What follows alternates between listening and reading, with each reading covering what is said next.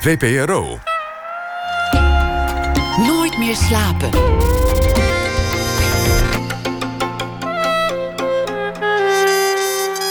Met Liesbeth Staats. Goedenacht en welkom bij Nooit meer slapen. Stel je even voor, het is het jaar 2060. Vlees en andere dierlijke producten eten we al lang niet meer. Ziektes zijn bijna allemaal uitgeroeid en iedere bewoner van ons land heeft een eigen besturingssysteem. Een soort innerlijke stem die je de hele dag door behoedt voor misstappen, maar ook voor, al, voor onwelgevallige emoties. Die worden weggepoetst.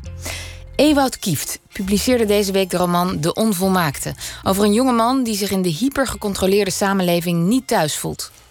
Ewout Kieft vestigde eerder zijn reputatie door boeken en studies te publiceren over geschiedenis en oorlogen die voorbij zijn.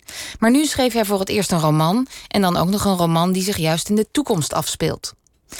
Van iemand die de geschiedenis zo goed kent, is het verleidelijk te verwachten dat hij dan wel zal weten wat we letterlijk moeten leren van de geschiedenis en wat er gebeurt in de toekomst als we dat niet doen.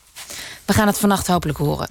Ewout Kieft is naast schrijver en historicus ook vader en zanger van de rockband De Harde Liefde. Welkom Ewout. Dankjewel. Um, ik wilde je meteen een vraag stellen over de eerste scène van het boek. Dan wordt er een baby geboren. en uh, in een ziekenhuis, zoals we dat kennen. Een gelukkige vader, een uitgeputte moeder. Niks nieuws onder de zon. Maar waarschijnlijk is dat een van de laatste baby's die op een natuurlijke manier geboren wordt. Aha. Later in het boek komen we erachter dat rond 2060, uh, of nou eerder al, Ja. dat er gewoon kunstbaarmoeders zijn. En dat vrouwen dat pijnlijke klusje helemaal niet meer hoeven te klaren. Ja. Toen dacht ik, jij hebt een soort wereld geschapen, een soort decor, en je kon dat zelf inrichten. Ja. Hoe was dat? Om al die dingen te bedenken van, ja, dan, dan gaat je fantasie aan de haal. Ja, het was en heel erg leuk. En het was ook ongelooflijk zwaar, omdat er veel meer nog bedacht moest worden dan ik van tevoren had verwacht. Eerst denk je gewoon van je hebt een paar ideeën en dan ga je daar gewoon lekker over schrijven. En dan blijkt dat er zoveel meer details nog nodig zijn om dat echt te laten werken. Of eh, ja, als je eenmaal aan het schrijven, als je eenmaal aan het schrijven gaat, dan kom je die dingen tegen. Ik ben ook een schrijver die altijd al schrijvend nadenkt. Dus als het ware volg ik een beetje eh, het personage in die wereld. En dan kom ik met dat personage gewoon die dingen tegen. En dan denk je, En wat voor dingen zijn het dan? Bijvoorbeeld? Ja, ver- Waar je niet aan gedacht had in eerste instantie? Ehm, hele simpele dingen. Eh, hoe, ik heb verschrikkelijk lang gedaan over een fietstocht. eh, naar de stad. En, en gewoon, ja, hoe ziet dan dat dijkje eruit? Eh, ik had bedacht dat daar wordt met elektrische fietsen vrij hard gereden. En dat zijn magneetspoelen onder. Het, nou, ik had dat allemaal bedacht. Maar als je het beschrijft, dan dan is het helemaal niet zo'n goed idee om dat allemaal uit te gaan leggen. Want dat vind ik niet een hele prettige manier van, van toekomstromans. Eh, dus eigenlijk laat je dat dan weer eh, achterwege. En wat hij dan ziet, eh, ja, hoe ziet die eerste buitenwijk eruit? Allemaal dingen die ik wist waar die naartoe ging. Maar ik wist eigenlijk nog heel weinig over die reis. En waar kwam, kwam jouw idee vandaan om, om eens een roman te schrijven die zich in een nou ja, toekomstige wereld afspeelt? We herkennen, tenminste, ik herkende veel. Mhm. Dus ik ga ervan uit dat het ook mijn wereld is. Maar waarom wilde je over de toekomst schrijven? Het begon. eh, het eerste idee begon tijdens een etentje met een vriend van mij. Ehm, en eh, die, eh, die programmeert kunstmatige intelligentie. Ah, En, dat is een expert. Ja, dat is zeker een expert, ja. Die heb ik ook, ook mee laten lezen. en, maar voor die tijd, eh, ik ken hem al heel lang... en eigenlijk was dit de eerste keer dat ik wat doorvroeg naar zijn werk. En, eh, en hij, hij vertelde over, over nou ja, hoe dat werkt met algoritmes programmeren en alles. En, en ik ik was de hele tijd vragen aan het stellen van... ja, maar dat, kun je toch nooit... Je, je kan dan nooit toch een echt gesprek hebben met, eh, Met een robot met een robot. Nou ja, Ja. dat is de, de klassieke Turing-test, zoals dat heet. Dat is vernoemd naar de grondlegger van de kunstmatige intelligentie... van de, com- van de computerkunde eigenlijk, eh, Alan Turing. En dat, dat is een soort heilige graal eh, van op het moment dat je een gesprek kan voeren... zonder dat je weet of je met een mens of een, of een computer praat... dan heb je, eh, heb je dat bereikt. En eigenlijk kwam ik er toen achter dat er heel pragmatisch wordt gedacht. terwijl alfa's veel meer denken over de methode van een taal eigen maken. Denkt eh, een programmeur van uh, algoritme. Veel meer van ja. Maakt niet uit hoe je er bent gekomen. Maar als uiteindelijk het resultaat is dat je niet meer weet of het een mens is of een computer, dan is, is het gelukt. In zekere zin. Het maakt dus niet zoveel uit welke kronkelweg je gebruikt als programmeur. En, en op die manier zat ik, legde hij dat soort dingen heel erg rustig uit. En hij, hij zei van nou, wat je je moet voorstellen is toch over 30, 40 jaar heeft elk jongetje, meisje van 12 in de welvarend deel van de wereld uh, um, uh, toch zijn eigen robotpsycholoog. Robotpsycholoog? Ja, en toen ging mijn verbeelding aan. toen dacht ik, dat gesprek wil ik uh, ja. zien. En, en, en, toen had je ook meteen een hoofdpersoon misschien. Een jongetje van 12. Eigenlijk, wel, ja. Dat, daar begint... Uh, dat is, uh, ik heb toch niet helemaal toevallig de, die leeftijd gekozen... als het moment waarop mijn hoofdpersoon... mijn menselijke hoofdpersoon Cas... zijn, zijn ja. kunstmatige intelligentie krijgt. En, ja. en zijn personal coach eigenlijk. Want Nou, dat is het. Over die consequenties van die uh, kunstmatige intelligentie... die dan zo nauw met personen, mensen verweven is. Daar gaan we het zo over hebben. Eerst over jou. Je bent historicus. Dus je hebt Mhm. al een getrainde blik op het verleden. Is dat een voordeel als je een roman over de toekomst schrijft? Ja, enorm. Vertel. Ja, het, het, uh, het heeft me enorm geholpen. Omdat uh, de, de historische blik uh, die ik ja, heb aangeleerd... en, en door vier boeken over historische onderwerpen te schrijven... Gaat Eerste het Wereldoorlog, Tweede Wereldoorlog? Ja, ja. ja eigenlijk het, het, het, de eerste helft van de 20e eeuw spelen die boeken zich allemaal af. En die historische blik gaat eigenlijk vanzelf van als je nadenkt over een, een, een, nieuwe techniek die er is, bijvoorbeeld, zoals een computer. Of uh, dat je onmiddellijk ook nadenkt van wat betekent dat voor werkgelegenheid, maar ook van wat gaan mensen doen met hun vrije tijd. En ook uh, wat betekent dat voor zingeving, voor religie, voor liefde. Voor, uh, dat, dat is eigenlijk, je, je bent echt getraind om al die verbanden te zien. Om, om alle consequenties op alle vlakken. Dus je kon jezelf dan ook een beetje controleren tijdens het schrijven. Heb je daar wel aan gedacht? Wat ja. betekent het voor werkgelegenheid of zo? Ja. ja. ja. Daar zat ik uh, constant aan te denken. Of dat ging vanzelf. En dat vind ik ook wel... Ik wilde ook wel zo'n soort boek schrijven. Wat, ik hou persoonlijk niet niet zo van de, de meeste science fiction boeken. Want die, die zijn heel erg gericht op die uh, technologie, technologische innovaties vaak. En die zijn ook best wel uitleggerig. En, en die denken dan niet zo heel veel verder van wat dat voor de psychologie van mensen bijvoorbeeld betekent. Of uh, wat dat betekent voor hoe, hoe ze samenleven, hoe de economie in elkaar zit. Het focust heel erg op van ja, dan heb je een nieuwe techniek. En door een of andere atoomsplitsing zijn er eilanden gemaakt. En mm -hmm. daar blijft het dan een beetje bij. Dat is uh, heel erg uh, meer, meer de beta-nerd-achtige...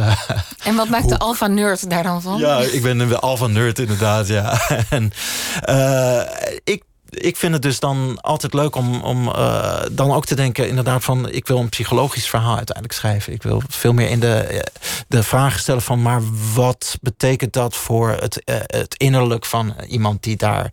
die is opgegroeid met een kunstmatige intelligentie... die eigenlijk dus is opgegroeid met een stem in zijn hoofd. Ze hebben allemaal oortjes in, in deze wereld.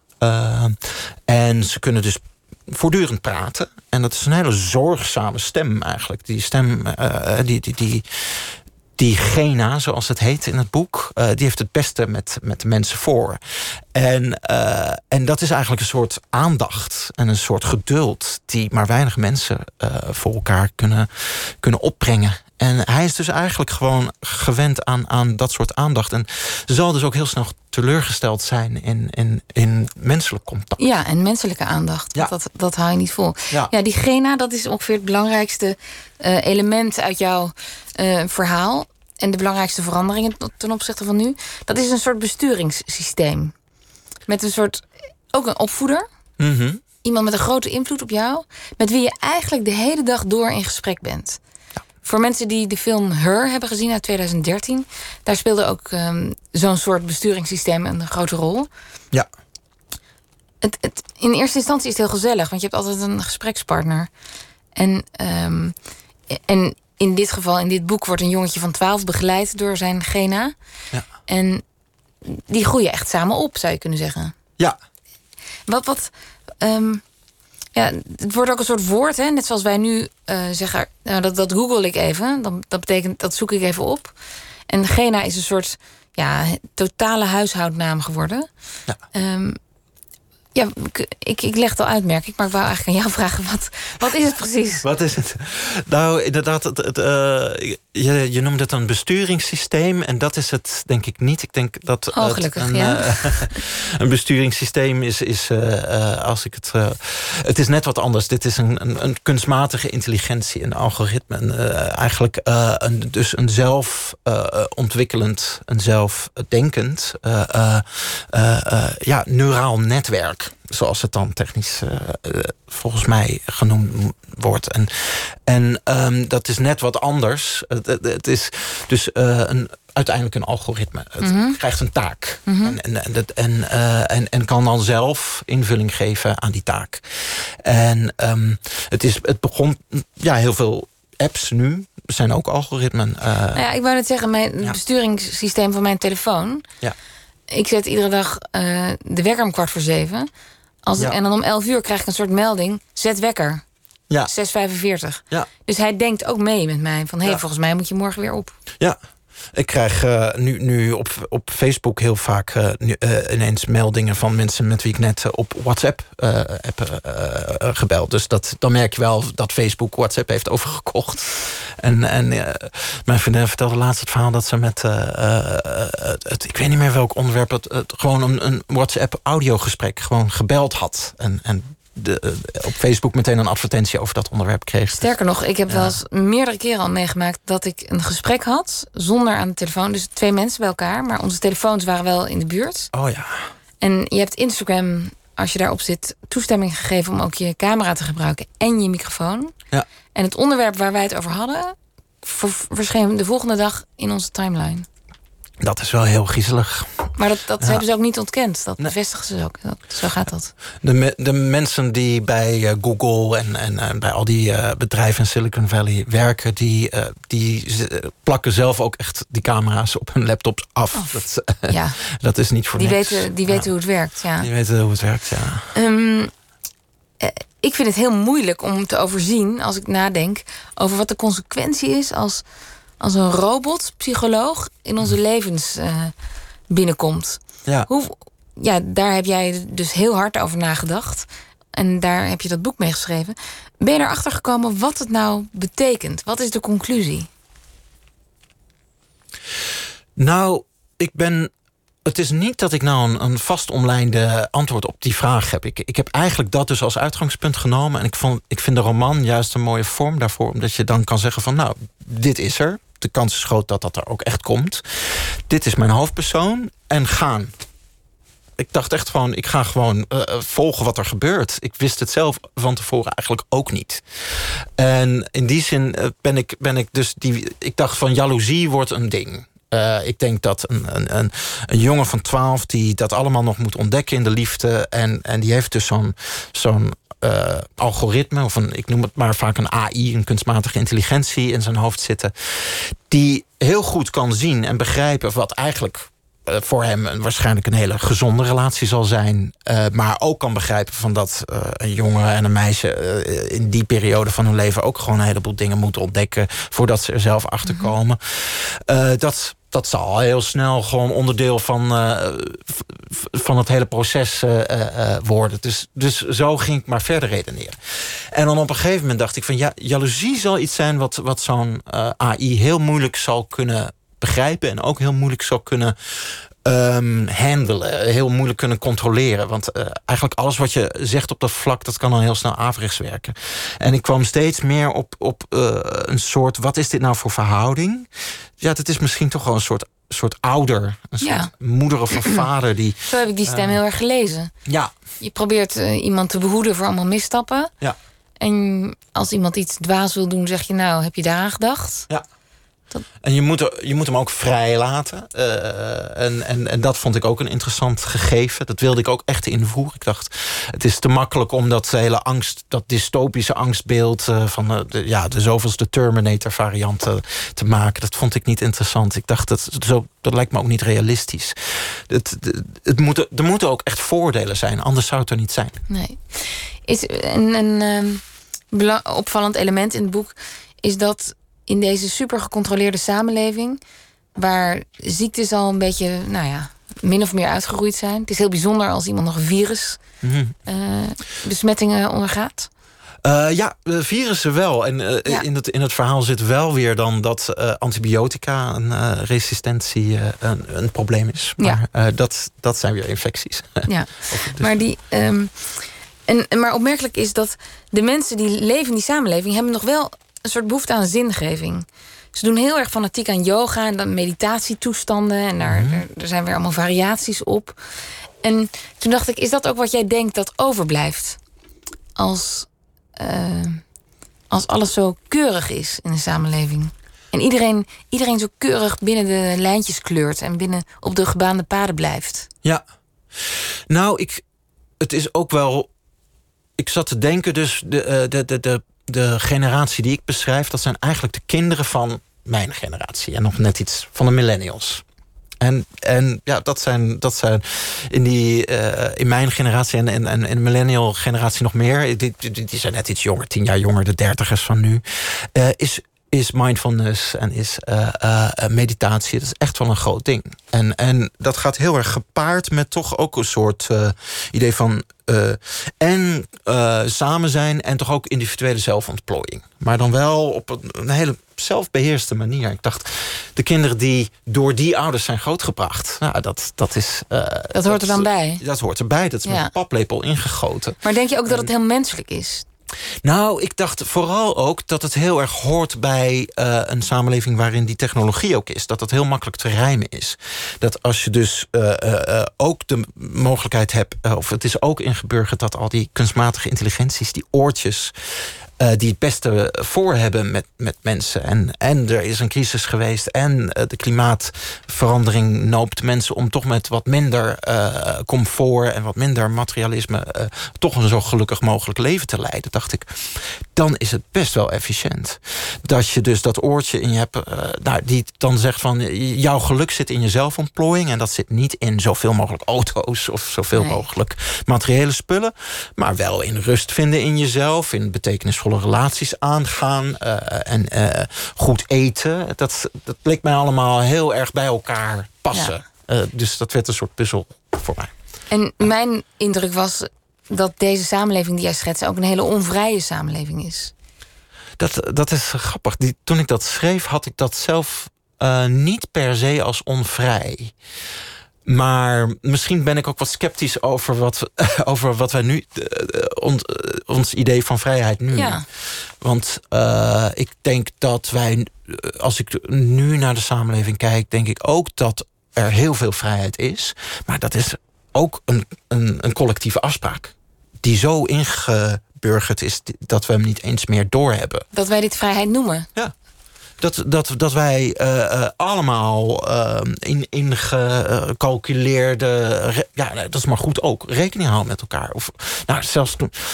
Het was heel opvallend dat, dat toen de, het, het eh, coronavirus eh, eh, eh, losbarstte, ook in Nederland, dat eh, eigenlijk iedereen heel snel zich bereid was zich aan te passen. eh, en, en dat ook gewoon uit zichzelf wilde doen. Eh, en, en daarin merk je ook wel dat, dat mensen dus heel erg eh, gewend zijn om, om, om op die manier de- de- de- hun vrijheid op te vatten. Van dat werkt ook alleen als je, als je dus Ja, rekening houden met ja, elkaar. rekening Ja. houdt met elkaar. Ook echt bereid bent om eventjes wat je zelf wil doen. Naar een festival gaan of, of afspraken maken. Dat echt even uit te stellen. Dat, eh, dat wa daar was geen revolutie voor nodig. Of daar was geen, geen grote dictatuur voor nodig om, om, om mensen Nee. dat te laten doen. Maar ik dacht juist, toen die eerste maatregelen voor die coronacrisis werden afgekondigd.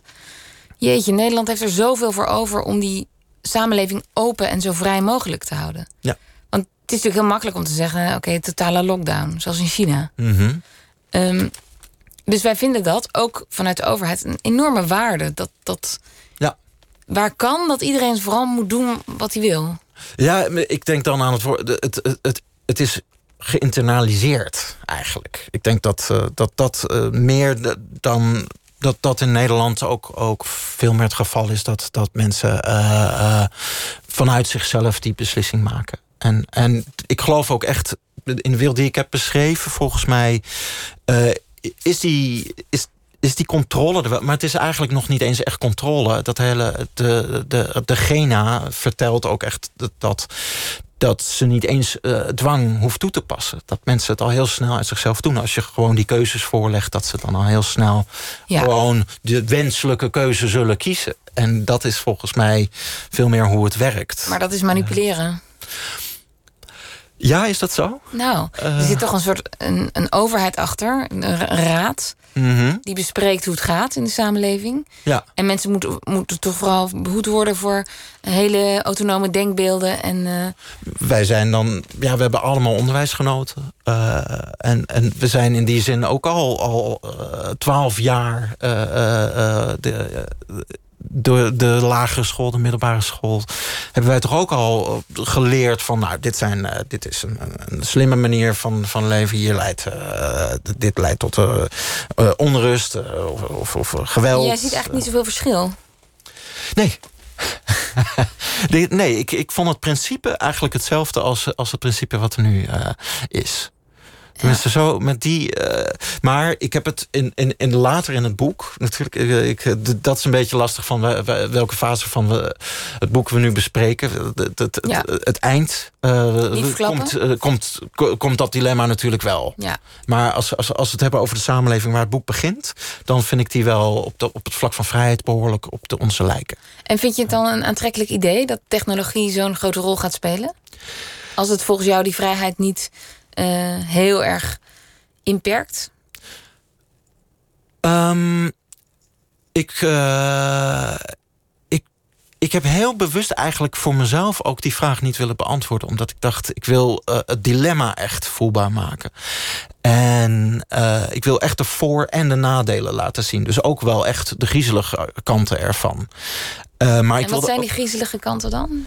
Dat is dus dat je het verhaal begint dus waar, waar we dit gesprek op mee begonnen. Die, die kunstmatige intelligentie, die, die personal coach, die heeft het beste met iedereen voor. En die doet dat met, met uh, het, het de, altijd de vrijheid, de individuele vrijheid van elke gebruiker in het achterhoofd. Die, die moet gewaarborgd krijgen en gewaarborgd blijven. Um, en dat deel dacht ik van, dat is best interessant. En daar, daar zit manipulatie in, maar er zit ook wel heel veel oprecht vrije keuze in. daarvan dacht ik van, dat heeft voordelen. Dat mm -hmm. heeft vooral ook voordelen als je kijkt naar de echte het probleem van klimaatverandering bijvoorbeeld. Ja. Uh, uh, dat, dat zelfs de mensen die ik ken, en uh, daar hoor ik zelf ook bij, die dat zich daar ernstige zorgen over maken, dan toch ook weer het vliegtuig nemen. Ik Ja. ben deze, in februari naar Barcelona gevlogen. Dat het toch te ingewikkeld was om met een klein kind de, de trein te nemen. En als je zo denkt, dan zou je denken van... nou, een klein beetje individuele, Dictatuur. klein beetje individuele begeleiding... Ja. Is, is uh, als je naar het Ja, ja. algemeen belang bent, even, uh, kijkt... Uh, best een interessant idee. En, en, en ik, ik ben echt op zoek gegaan waar de thin line tussen, tussen zo'n soort van begeleiding die de vrijheid eigenlijk wil waarborgen. In ieder geval, dat zit in de opdracht van, dit, van deze Gena. De vrijheid moet gewaarborgd blijven. Dus je geeft keuzes. En, En dat is een heel erg dunne scheidslijn. en in de loop van het boek wordt, wordt, wordt dat natuurlijk wel een... Uh, ja, het zou een beetje een saai boek worden als ik daar niks mee deed. We gaan even naar muziek luisteren. En wel jouw muziek. ja? Je bent uh, zanger en schrijver in de band De Harde Liefde. Um, we gaan luisteren zo naar het nummer Morgen. Maar um, ik las in een interview dat De Harde Liefde voor jou ook een soort motto is. Ja. Wat bedoel je daarmee? Op wat voor manier?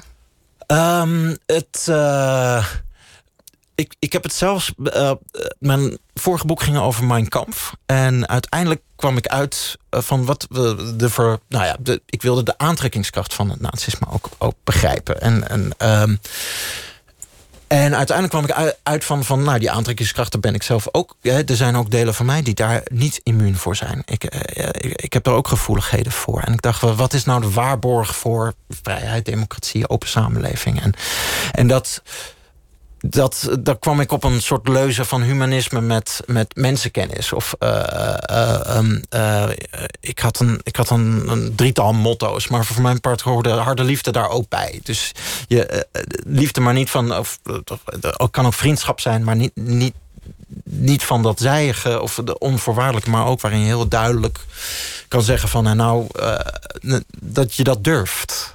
dat, dat vind ik er uh, mooi aan. Het is, en ik vind het ook een mooie bandnaam, omdat het ook uh, een klank, de, de, sound van een band kan omschrijven. dus er zit een zachtheid in, maar ook een hardheid. En, de harde liefde met morgen.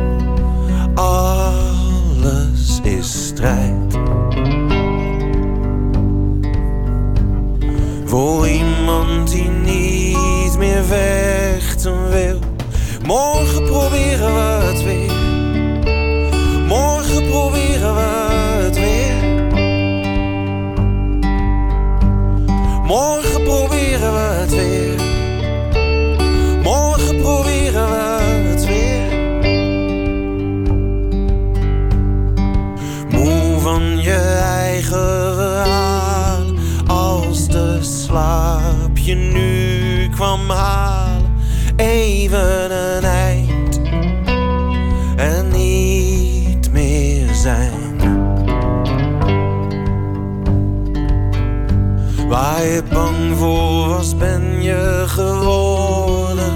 Je bent vreemd, niet meer bijzonder. Je bent alleen, net als ieder.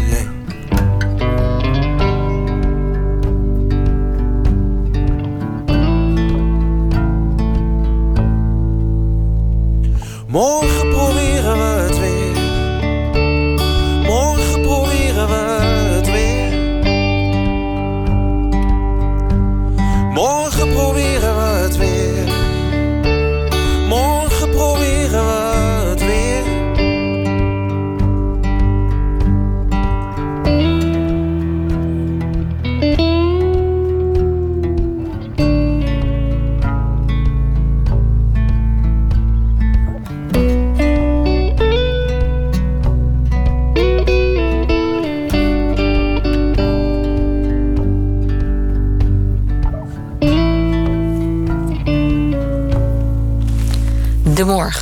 Nee, Morgen van De Harde Liefde. En u hoorde uh, Ewout Kieft zingen. En hij is nu ook mijn gast. We spreken over zijn nieuwe boek De Onvolmaakten. En um, je bent ook historicus. En we hadden het net al even over de coronacrisis.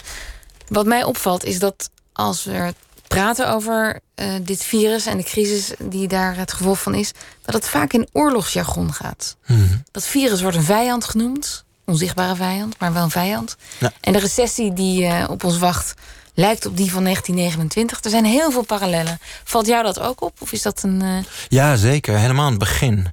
Toen ook echt nog die saamhorigheid ook echt een uh, heel groot onderdeel van de beleving van mensen was.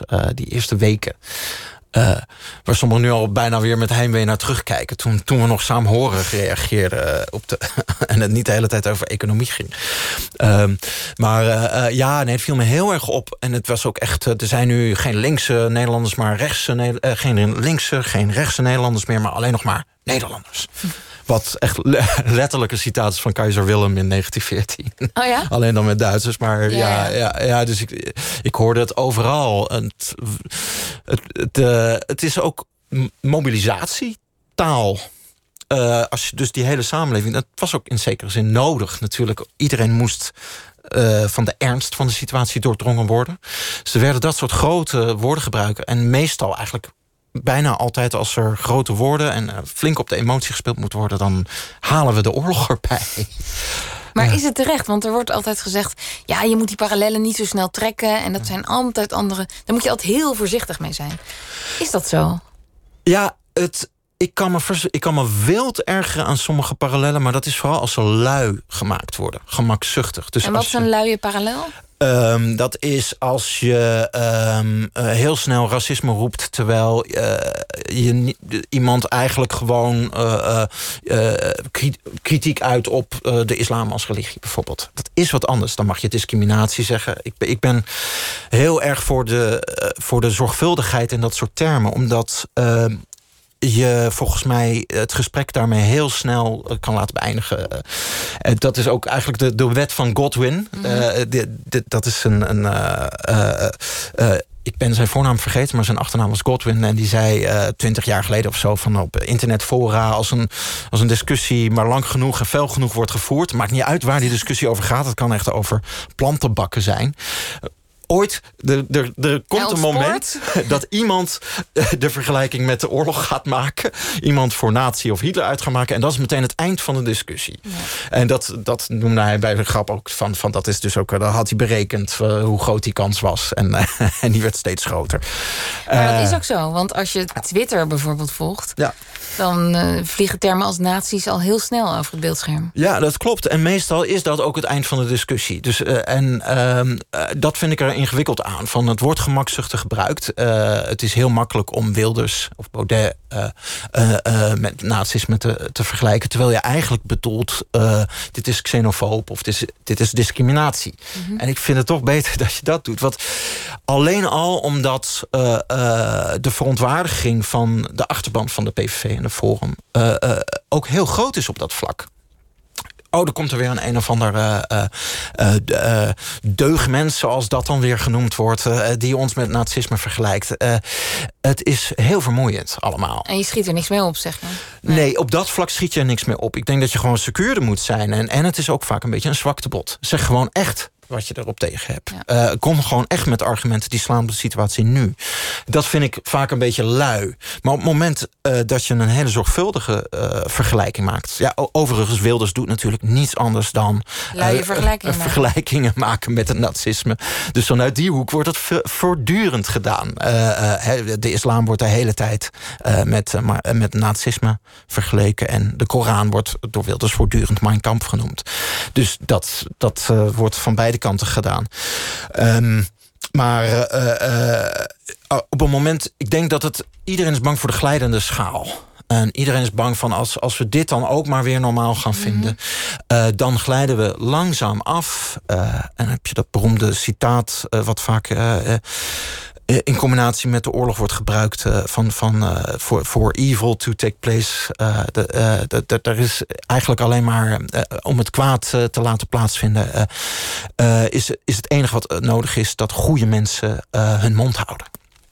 En dat is volgens mij iets waar heel veel mensen bang voor zijn. En uh, we moeten het wel durven zeggen uh, als het ook echt terecht is. Uh, ja. Als het over antisemitisme gaat of als het over mensen die echt antidemocratisch zijn, moet je gewoon durven zeggen van dit is niet democratisch meer. Een mooi voorbeeld daarvan, de afgelopen 4 mei. Ja. Dat zowel Arno Grunberg als de koning in hun speeches um, dat expliciet en minder expliciet benoemden. Ja.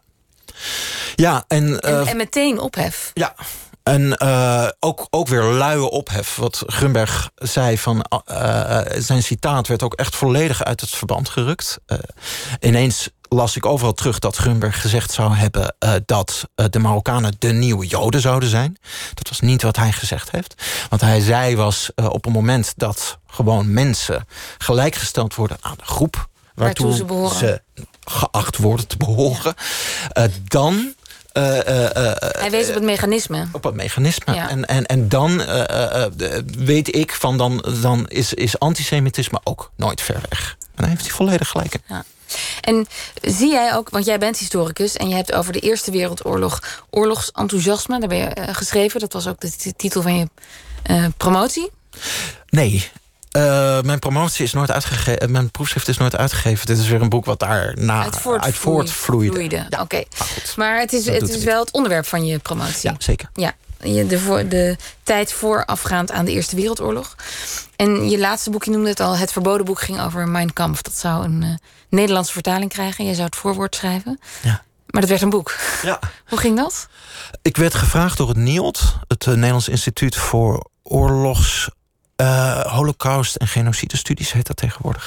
Ik moest even nadenken. Um, en uh, die uh, vroeg mij dus voor die inleiding. en uiteindelijk besloot het NIOD uh, niet een nieuwe editie van Mijn Kamp uit te brengen. En, en werd het een los boek. Eigenlijk een blessing in disguise. Want ik kon toen veel meer vanuit mezelf schrijven. En mijn antwoord eigenlijk ook op die vraag van die nazi-vergelijking van de Godwins... was ook van, wat ook opvalt daaraan is dat we altijd anderen met nazi's vergelijken. Maar nooit eens de vraag stellen van, lijk ik eigenlijk? Uh, ben ik eigenlijk vatbaar voor nazisme? Ja. Dus dat was het. Ik dacht, laat ik dat eens doen. Ik, ja. uh, dus ik je, ga mijn kant lezen. Al. Je, ja. zei zo van dat je jezelf ook afvroeg, ja, ik ben misschien ook wel ontvankelijk voor delen van dat nazisme ja. voor die ideologie. En welke delen zijn dat dan? Welke zijn aantrekkelijk? Nou, dan zijn we weer terug bij die oorlogsretoriek. Uh, ik, ik betrapte me erop. Uh, Hitler doet heel erg beroep op Mein Kampf, mijn strijd. Hitler vocht zelf ook in de Eerste Wereldoorlog als soldaat. En uh, hij. Um, hij omschreef eigenlijk ook bijvoorbeeld dat, je, dat hij in het ziekenhuis ook streed. Dat, dat, dat, dat was dus ook een veel bredere strijd eigenlijk. Hè. Je, je strijdt ook tegen een moedeloosheid. Uh, hij noemde alles een oorlog. Uh, en dat herkende ik ook heel erg van mijn eigen achtergrond. Uh, of mijn achtergrond. Ik was, ik was ziek toen ik tiener was. en, en ik herkende heel veel van dat soort oorlogsromantiek ook. Met hoe ik zelf dacht ik vecht tegen die ziekte. Of ik, ik ben een ja, ja toch soldaat. Een, een, soldaat. Of ik, ik snap eigenlijk, eigenlijk de, als, met de mensen met wie ik op, op de zaal lag... dat, dat soort kameraadschap bijvoorbeeld... wat Hitler dan ook in Mein Kampf beschrijft... Van, dat kan je eigenlijk alleen begrijpen van elkaar als je het hebt meegemaakt. Ja, ja. Dat voelt ook, ook saamhorigheid is ja, dat dus. Dat is echt saamhorigheid. Ja. Maar dat is dus ook met een soort gevoel van... van als je die ontberingen hebt geleid, uh, echt hebt geleden... als je dat echt hebt meegemaakt... dan heb je een transformatie doorgemaakt. En dan pas ja. ben je echt, weet je wel... Dat hoor je erbij. Ja. ja, dan uh, hoor je erbij en dan ben je ook... Uh, ja, dan heb je iets van het leven meegekregen. Maar iedereen is daar misschien wel gevoelig voor. Ja, ik denk het ook. En, en het is ook een verhaal wat we aan onszelf vertellen om uh, iets wat gewoon nutteloos leed is, uh, zinvol te maken. Denk ik. Wat bedoel je daarmee?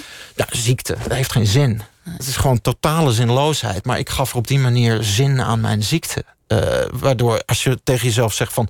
dit is alleen maar kut. Ik, ik, ik ben ziek. Het slaat nergens op. Het heeft geen doel. Het is alleen maar kut. En op die manier kon ik een verhaal ervan maken... Uh, waardoor het uh, iets was waardoor ik eigenlijk krachtiger... mentaal krachtiger eruit was gekomen... en geworden was die ik eigenlijk was. Dat is ook wat er altijd gebeurt tot ergernis van velen... Uh, als er over kanker gesproken wordt. Je mm -hmm. had geen kanker, maar mensen overwinnen kanker. Of, ja. En onder andere Maarten van der Weijden, die open waterzwemmer... Ja. die heeft gezegd dat is zo'n onzin. Want dat betekent dat mensen die overlijden niet gevochten hebben. Ja. Of het, het is gewoon domme pech, zegt hij. Het is domme pech. En daar moet je mee oppassen met, met die woorden.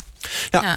Ja. ik denk dat het gewoon dat, dat daardoor begrijp ik het ook steeds meer als een, gewoon iets wat mensen eh, nodig hebben. Ik heb er zelf ook verschrikkelijk veel aan gehad. Eh, je kan er kracht uit putten, maar meer dan dat is het ook niet. Nee. En, en dat is dus ook Ja. wat er met die corona-crisis eh, ook gebeurde. Van, eh, dat, dat mensen, ja, de, de, de, de- het front van die strijd, dat waren de intensive cares. En, en, en dat waren onze frontsoldaten. En die solidariteit moeten we hebben. Wij zijn zeg maar het achterland en daar is het front.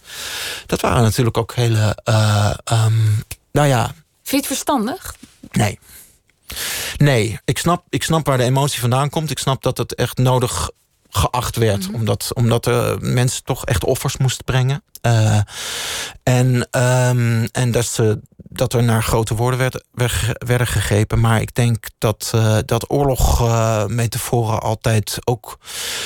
Ehm, op het moment dat je dan bijvoorbeeld kritisch bent op het beleid van de regering, dan ben je ineens een landverrader. Of dan ben je een collaborateur, of wat ben je dan? Maar in ieder geval, dat, dat, daar, daar, je schept een klimaat waarin eh, eh, eh, daar op een ongezonde manier mee om wordt gegaan. Dat lijkt mij altijd erg. Ik, ik las een klein bericht in de krant dat ergens in de achterhoek had iemand die was kapper en die knipte dan illegaal, ook als een woord, in zijn schuur mensen. Ja. En die was verraden door de dorpsbewoners. Die hadden hem aangegeven bij de politie. Nou ja, dan is iedereen heeft al een, een, een, is al een pion in een soort eh, riskspel of in een soort oorlogsstrategospel. Ja, Dat wordt snel heel groot, ja. Ja. Ja, dat, eh, dat, eh, het, het, het maakt ook inderdaad bij, bij mensen allerlei van dat soort Gevoelens wat, eh, ja, wat, wat, we, wat we kennen uit, uit, uit, uit eh, de boeken over, over de Tweede Wereldoorlog, over het verzet en over eh, collaboratie. En over, als je over kappers hebt, dan moet ik ook onmiddellijk aan, aan de moffenmeiden kaalscheren denken, maar dat heeft daar eigenlijk niet. Gelukkig heeft dat er nog niet, eh, Nee, niet eh, mee, mee, mee te maken. Ehm, je hebt de, de oorlogen bestudeerd en je hebt ook heel erg naar die speeches geluisterd, ook van Hitler. Ja. Ehm, en je hebt radicaliseringsmechanismen, daar heb je over geschreven. Ehm, wat doet dat met je wereldbeeld eigenlijk, als je daar zo in dat onderwerp jaren verdiept en beland bent? Ja, daar, daar, eh, ehm, daar wordt je mensbeeld niet eh, optimistischer van. Heb ik het, zo heb ik het wel eens omschreven. Eh, ja, wat, wat, wat, wat me wel, wat me echt erin heeft veranderd, wat, wat, dat ik ehm, echt naar, naar mensen ben gaan kijken van, van het is, eh, mensen zijn vatbaar voor, voor, voor dat soort verhalen, voor dat soort zingevende verhalen. En op het moment dat mensen in iets geloven en ze geloven het heilig genoeg, dan eh, eh, kan heel veel daarmee vergoed, vergoelijkt worden, verantwoord worden. En dat is ook wat je in de geschiedenis ook altijd ziet. Er zijn zelden moorden uit pure vreedheid. Er is niet echt. Zelfs Hitler was niet. Die zei niet van we, we moeten de Joodse Europeanen uitroeien omdat het leuk is of omdat. eh, omdat eh, maar hij dacht dat hij het goede deed. Dus het zijn de kracht van waanbeelden.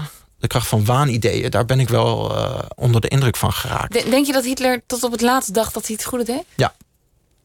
Ja, daar ben ik van overtuigd. Ja. Ja, dat, dus, dus als we het hebben over slechtheid, dan ja, als historicus denk ik daar dus anders over. Ik denk van eh, dat is absoluut waar, de slechtheid is er. Maar, maar als je het probleem wil begrijpen, moet je ook begrijpen dat die mensen zelf denken dat ze het goede doen. En dat maakt het allemaal veel ingewikkelder. Ingewikkelder, Ja. ja. En, en, en, En moeilijker te bestrijden. ja, precies. Want tegelijkertijd, en dat vind ik als het over de Tweede Wereldoorlog of over het nazisme gaat, eh, zit er altijd het, het, eh, het gevaar van als je de vijand probeert te begrijpen, als je het nazisme probeert te begrijpen, dat het al heel snel op vergoelijken lijkt. Als je denkt van ja, oh ja, dan, dan, dan, je kan me, dan was, eh, was ik misschien ook al SS'er geworden of zo. Dat, En dan ga je, kom je in een soort moreel grijze zone terecht. Je moet wel heel erg duidelijk durven zeggen van de, de- wat, wat, eh, wat er gebeurde was absoluut moreel verwerpelijk. En, eh, eh, en daar mag je geen enkele relativering op toepassen. Maar je kan wel proberen te begrijpen waarom mensen daar vatbaar voor zijn. Dat zijn twee verschillende dingen. Ja. We hadden net over mensbeeld gesproken. Je noemde het al, mijn, jouw puberteit is gekenmerkt door ziekte. Ja. Je lag veel in het ziekenhuis. Ja. En want je leed aan een darmziekte. Wat, wat, wat is dat precies voor een ziekte? Die ziekte heet colitis ulcerosa. En daar heb je allerlei gradaties in. Ik had uh, de, de meest uh, venijnige. En uh, mijn dikke darm is uiteindelijk weggehaald. Uh, dus dat was. Uh, daar zaten allerlei operaties aan vast. Ik heb nog twee jaar met een stoma rondgelopen toen. En, maar vooral die eerste twee jaar dat die ziekte losbarstte, dat was heel heftig. Dat, dat, daar, was je toen? Toen was ik 14. 14. En nou ja, dat ging gewoon heel snel. Dat, dat, dat was echt een wandelend geraamtetje. Was hij, ja. Dus je hebt heel veel tijd ook niet op school doorgebracht? Ja, dat klopt. Ja. ja. En kon je school wel afmaken? Ja. Ja, ja, ik weet ook niet precies hoe dat ging. Want het, maar dat deed, ja, spelenderwijs uh, lukte dat wel. En ze waren gelukkig heel meegaand. Met ja. van thuis een proefwerk maken of zo. Dat, uh, en dat uh, duurde tot een. Nee, het hoogtepunt van die ziekte speelde zich af tussen je 14 en je 20ste. Ja. Dat zijn echt hele bepalende jaren. Ja. ja. Die, die, als je daarop terugkijkt, wat is die invloed geweest? Heb je het idee dat je een heel stuk gemist hebt? Heb je het idee dat Ja. je sneller volwassen bent geworden? Of Allebei. Het, het zijn twee verschillende vlakken. Dat, dat, zeg maar mentaal denk ik dat ik sneller volwassen ben geworden. eh, en op, op juist sociaal en in de liefde eh, was, was ik nat achter de oren toen ik twintig was. Dus dat, dat, dat, dat was een beetje uit elkaar gegroeid. Dus ergens was ik op, weet ik veel, filosofisch. Of eh, dat ik ook wel heel goed van mezelf natuurlijk ook mezelf hard was tegengekomen. Dus psych, psychisch eh, kon ik, wist ik heel goed wanneer ik, wanneer ik iets deed, omdat ik eigenlijk bang was. En dat, Oh ja. eh, weet je wel, Oh ja. dat soort dingen van jezelf. mechanismen, Eh, terwijl, je eigenlijk boos bent, maar dat je merkt van, oh ja, maar ik ben boos omdat ik eigenlijk bang ben, dat soort dingen. Dat, dat had ik vrij snel door daardoor. Ehm, en, en, en gewoon een beetje normaal tegen een meisje doen, dat duurde nog wel even. en, en wat voor invloed had dat op jullie gezin thuis? Oh ja, dat, eh, dat was eh, zwaar eh, voor hen. En, en, en mijn ouders hebben zich natuurlijk ook echt zorgen gemaakt. Mijn zus heeft zich zorgen gemaakt. En voor mijn zus was dat natuurlijk ook heel zwaar, want die was ook puber. En het draaide de hele tijd maar om mij. Ja.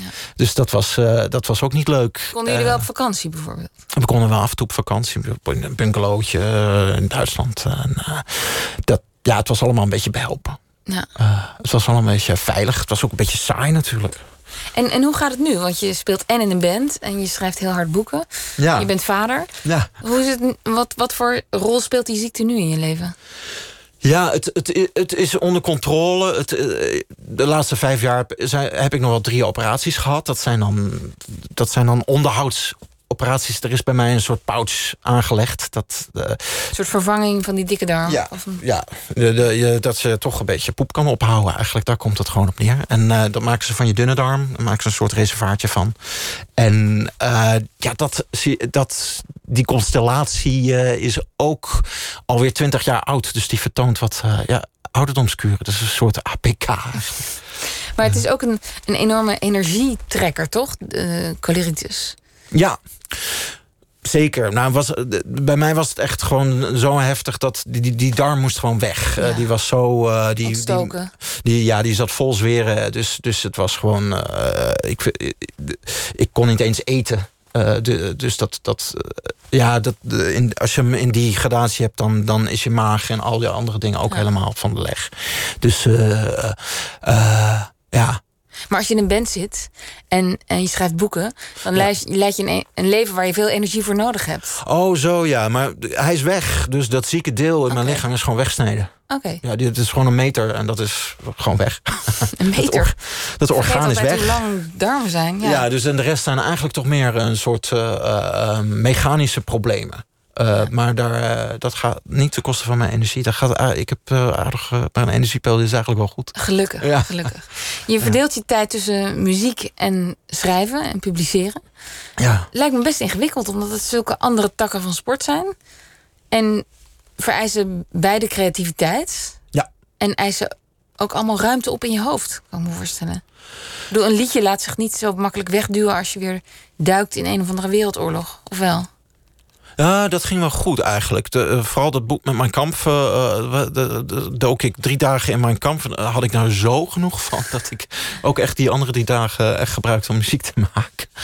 Uh, dus dat maar was dat een. hielp juist. Ja, dat hielp enorm. Ik moet er niet aan denken dat dat het enige project was geweest toen. Dan was ik echt mentaal niet helemaal lekker uitgekomen. wat ik, dat, had echt, dat vond ik wel echt naar, naar geestig. Om, omdat het ook echt. Ja, je gaat de denkwereld van Hitler in. En dat is, dat, dat, daar werd ik af en toe echt wel uh, de, onprettig van in mijn hoofd. En dan, Want dat was 2016, 17? Ja, zo, ja 2016. Ja. Ja. ja. Dat is ook al de tijd van de PVV en ook Forum. En Trump, was- het was, en ik schreef dat boek toen, toen Trump... uh, Hoe keek je naar de wereld toen? Ja, dat, dat, die, die parallellen zag ik natuurlijk duidelijk dat. Dat, daar, wil- en ik merk dat ik er meteen weer voorzichtig mee omga. Omdat ik dus ook zelf altijd denk van ik moet hem zorgvuldig maken. Ja. Maar bijvoorbeeld als Trump zei van... ik ben de enige die jullie, het volk, begrijpt. Dat soort speeches gaf hij, dat zei hij gewoon letterlijk. Dan, dan zie je dus een politicus die zegt van de democratie... het hele idee dus dat je een volksvertegenwoordiging hebt... en dat het volk dus niet met één stem spreekt... maar allemaal verschillende geluiden zijn... dat je die allemaal vertegenwoordiging geeft... en dat er samen probeert uit te komen. Dat veegde die gewoon weg. En hij zei gewoon, I alone can fix this ik ben degene die jullie begrijpt. En de mensen die anders denken dan ik, dat zijn niet echte Amerikanen. Dat zijn vijanden van het volk. Dat is niet democratisch. En, uh, en dan kunnen de uh, mensen die. Uh, nou ja, ja, dat is gewoon een vorm van fascisme. Dat is heel erg duidelijk. Ik zag laatst een, op internet eh, een filmpje van eh, Thierry Baudet voorbij komen... waarin hij geïnterviewd werd door Geen Stijl uit mijn hoofd. En toen noemde hij iedereen, of nou, dan noemde hij de overheid ook, of, en de journalisten die niet, met hem meegingen, ook landverraders. Ja. Maar toch werd dat niet de voorpagina van iedere ochtendkrant. Nee. Nee, dat. dat, uh, dat uh, maar jij moet dat dan de hele tijd wel zo horen. Want Ja. jij kent al die speeches. Ja, ik kijk dan ook naar de mechanismen. Want ik denk ook elke keer als iemand eh, Baudet of PVV eh, of Wilders eh, met, met eh, een nazi vergelijkt, is er gewoon weer een zetelwinst voor hen. Dus dat is het mechanisme waar we helaas nu in zitten. Eh, dus zij, ik bedoel, zij hopen erop. Ja. Eh, ja, kom maar op met die cold Maar, maar, maar, los, Ja. maar, maar los van of jij eh, Baudet eh, meer zetels wil bezorgen of niet, Ja. is dan niet de wetenschapper in jou die zegt: ja, maar kijk eens, jongens, wat hier gebeurt. Is, Ja, nou, maar Baudet heeft ook beschuldigingen van racisme naar zijn hoofd gekregen... die onterecht waren. En ehm, dus, dus daarin vind ik het heel lastig. Eén keer onterecht en de rest eh, is eigenlijk heeft zijn kracht verloren. Eh, dus, dus op een gegeven moment... eh, was dat die uitspraak van, ik ben zijn naam even kwijt, dat, dat raadslid van Forum, die zei: eh, IQ kan ge- aan. Oh ja. eh, eh, nou ja, in andere landen zi- zijn er eh, lage IQ's. Dat werd meteen racistisch genoemd, terwijl wetenschappelijk gezien dat kan constateren. En hij zei nog notabene nog van ja, dat heeft met, eh, kan ook met cultuur of religie te maken Ja, hebben. en hij is zelf van Surinaamse Hindoestaanse afkomst. Ja, ook dat. En een racist zou zeggen van dat zit in de schedelomvang of zo. Dan, als hij dat had gezegd, dan hadden ze hem racist moeten noemen. Maar eh, dus dat was een beschuldiging die niet klopte, die feitelijk onjuist was. En elke keer als je iemand onterecht dat noemt, dan is de volgende keer dat het wel terecht is, heeft ze kracht verloren. Maar heb jij dan niet de behoefte, omdat je er zo in zit, om als Ja. een soort scheidsrechter Ja. Langs de lijnen van dat debat te staan? Ja, maar dan zou ik echt niks meer anders eh, kunnen doen. Ja, maar Sterker ik denk nog. dat er eh, wel eh, behoefte is, Ewout. ja, ja, Het ontspoort namelijk altijd. Ja, Het ontspoort altijd. Ik denk dat het. ik denk toch dat ik bijvoorbeeld ook deze voor een, ervoor heb gekozen om een roman te schrijven. Dat ik het. want ook in deze roman kom- komen dit soort mechanismen voor. En ik denk dat, dat ik het interessanter vind om eh, verhalen te schrijven waarin, eh, eh, waarin het niet zo één op één is. En waarin je veel meer echt vanuit de ruimte in je hoofd die je creëert gaat kijken naar van wat is populisme eigenlijk? Wat zou bijvoorbeeld die Gena, dat is de stem der ratio eigenlijk.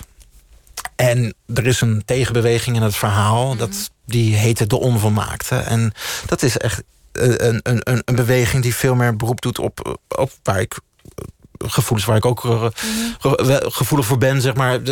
maak onderbuik. niet de onderbuik. We, uh, maak alles maar kapot als we, als we maar een week lang echt genoten hebben, bijvoorbeeld. Of uh, in ieder geval, wij zijn de baas. En, niet, en we gaan niet de hele tijd pap en nat houden. En het evenwicht maar proberen te bewaren. Zo, we gaan leven. En dat, dat vind ik een veel interessantere manier om naar datzelfde probleem misschien wel te kijken. Uh, en, en dan ben je ook van uh, die, uh, die namen af. waardoor iedereen ook onmiddellijk opgehouden is met luisteren. Je hebt een zoontje van nou, nog geen jaar? Een dochter. Dochter, sorry. Ja, ja ze heet Charlie, dus dat is een... Oh, misschien was dat ervoor. ja. Um, van nog geen jaar in ieder geval? Nee, acht maanden, ja. En uh, in 2060, het jaar waarin jouw roman zich afspeelt, is zij ongeveer 40. Ja. Maak je je zorgen over die toekomst? Voor haar? Ja, ik maak me toch nu meer zorgen voor de meer nabije toekomst dan voor 2060. Want ik denk van dan hebben we misschien toch alweer heel veel problemen opgelost. En welke zorgen maak je je nu over de nabijere toekomst? Um, ik ik ben nu, maak ik me wel echt ernstige zorgen om de, de, economische crisis die gaat komen. En vooral wat dat voor. Nou, we hadden het net over die solidariteit aan het begin van de coronacrisis. En daar was ik eigenlijk best wel van onder de indruk. Dat vond ik uh, heel mooi. Dat zoveel mensen die echt veel te verliezen hebben, gewoon eigen zaak hebben, eigen café hebben, eigen winkel. Gewoon zeiden van nee, we gaan dicht. En dat doen we inderdaad om, eh, om, om uh, zieke mensen, kwetsbare groepen te beschermen. En uh, echt faillissementen dreigen. En, en toch zonder veel gemor dat, dat gedaan. En op een gegeven moment, nu die faillissementen echt in grote aantallen op ons afkomen. En nou, hoop ik dat de overheid ook wel echt diezelfde solidariteit hoog in het vaandel zal houden. En daar ben ik niet helemaal gerust op. De, de, VVD is niet de partij die dat in de vezels heeft zitten. Um, en, en, op het moment dat je gaat zeggen van... ja, we hebben allemaal uh, uit solidariteit de kwetsbare groepen um, gered... En, maar nu, daardoor ben jij nu bijna failliet... en jij bent nu bijna failliet. Ja, pech gehad. En jij mag wel door, want uh, ja, plauwe trots of whatever. Ja, ja. Dan, gaan, dan gaat er wel iets stuk in uh, de hele samenleving. Ja, daar maak ik me ernstig zorgen om. Want, want, want dan uh, denken mensen de volgende keer van... ja, uh, ik geloof je gewoon niet meer. Ja. Flikker me op. En ik zorg gewoon voor mezelf. Ik introduceerde jou als iemand die misschien wel letterlijk weet... wat we moeten leren van de geschiedenis om de toekomst aan te kunnen. Kun je ons in deze nacht nog iets ja. meegeven? In deze crisistijd? Uh, nou ja, ik ben. Nee, nee ik, heb, ik ga dat denk ik niet. Ik ben daar ook niet goed in. En het is ook denk ik geen toeval dat ik gekozen heb om een roman te schrijven. En een roman is voor mij ook een manier. Van, van juist niet in motto's denken of niet in lessen denken, maar vooral denken aan van, van ik, ga echt een wereld in. Uh, ja. ja, en, en, en ga al die. Ik, ik, ik gooi al die, die, die tegengestelde krachten bij elkaar. En op het op het eind heb ik nog steeds het antwoord niet. Maar hebben we wel hopelijk veel, veel meer van alle, al die verschillende kanten begrepen. En kunnen we ons beter inleven. Dankjewel, Ewout, voor dit gesprek. Het zit erop. De Onvolmaakte, de roman van Ewout Kieft, verscheen bij De Bezige Bij. Tot zover Nooit meer slapen. Maandag komt hoogleraar Gabriel van den Brink praten over zijn boek Ruw ontwaken uit een neoliberale droom. Waarin hij ons liberale stelsel onder de loep neemt. Hier volgt Fink van de Avrotros en ik wens u nog een heel goede nacht.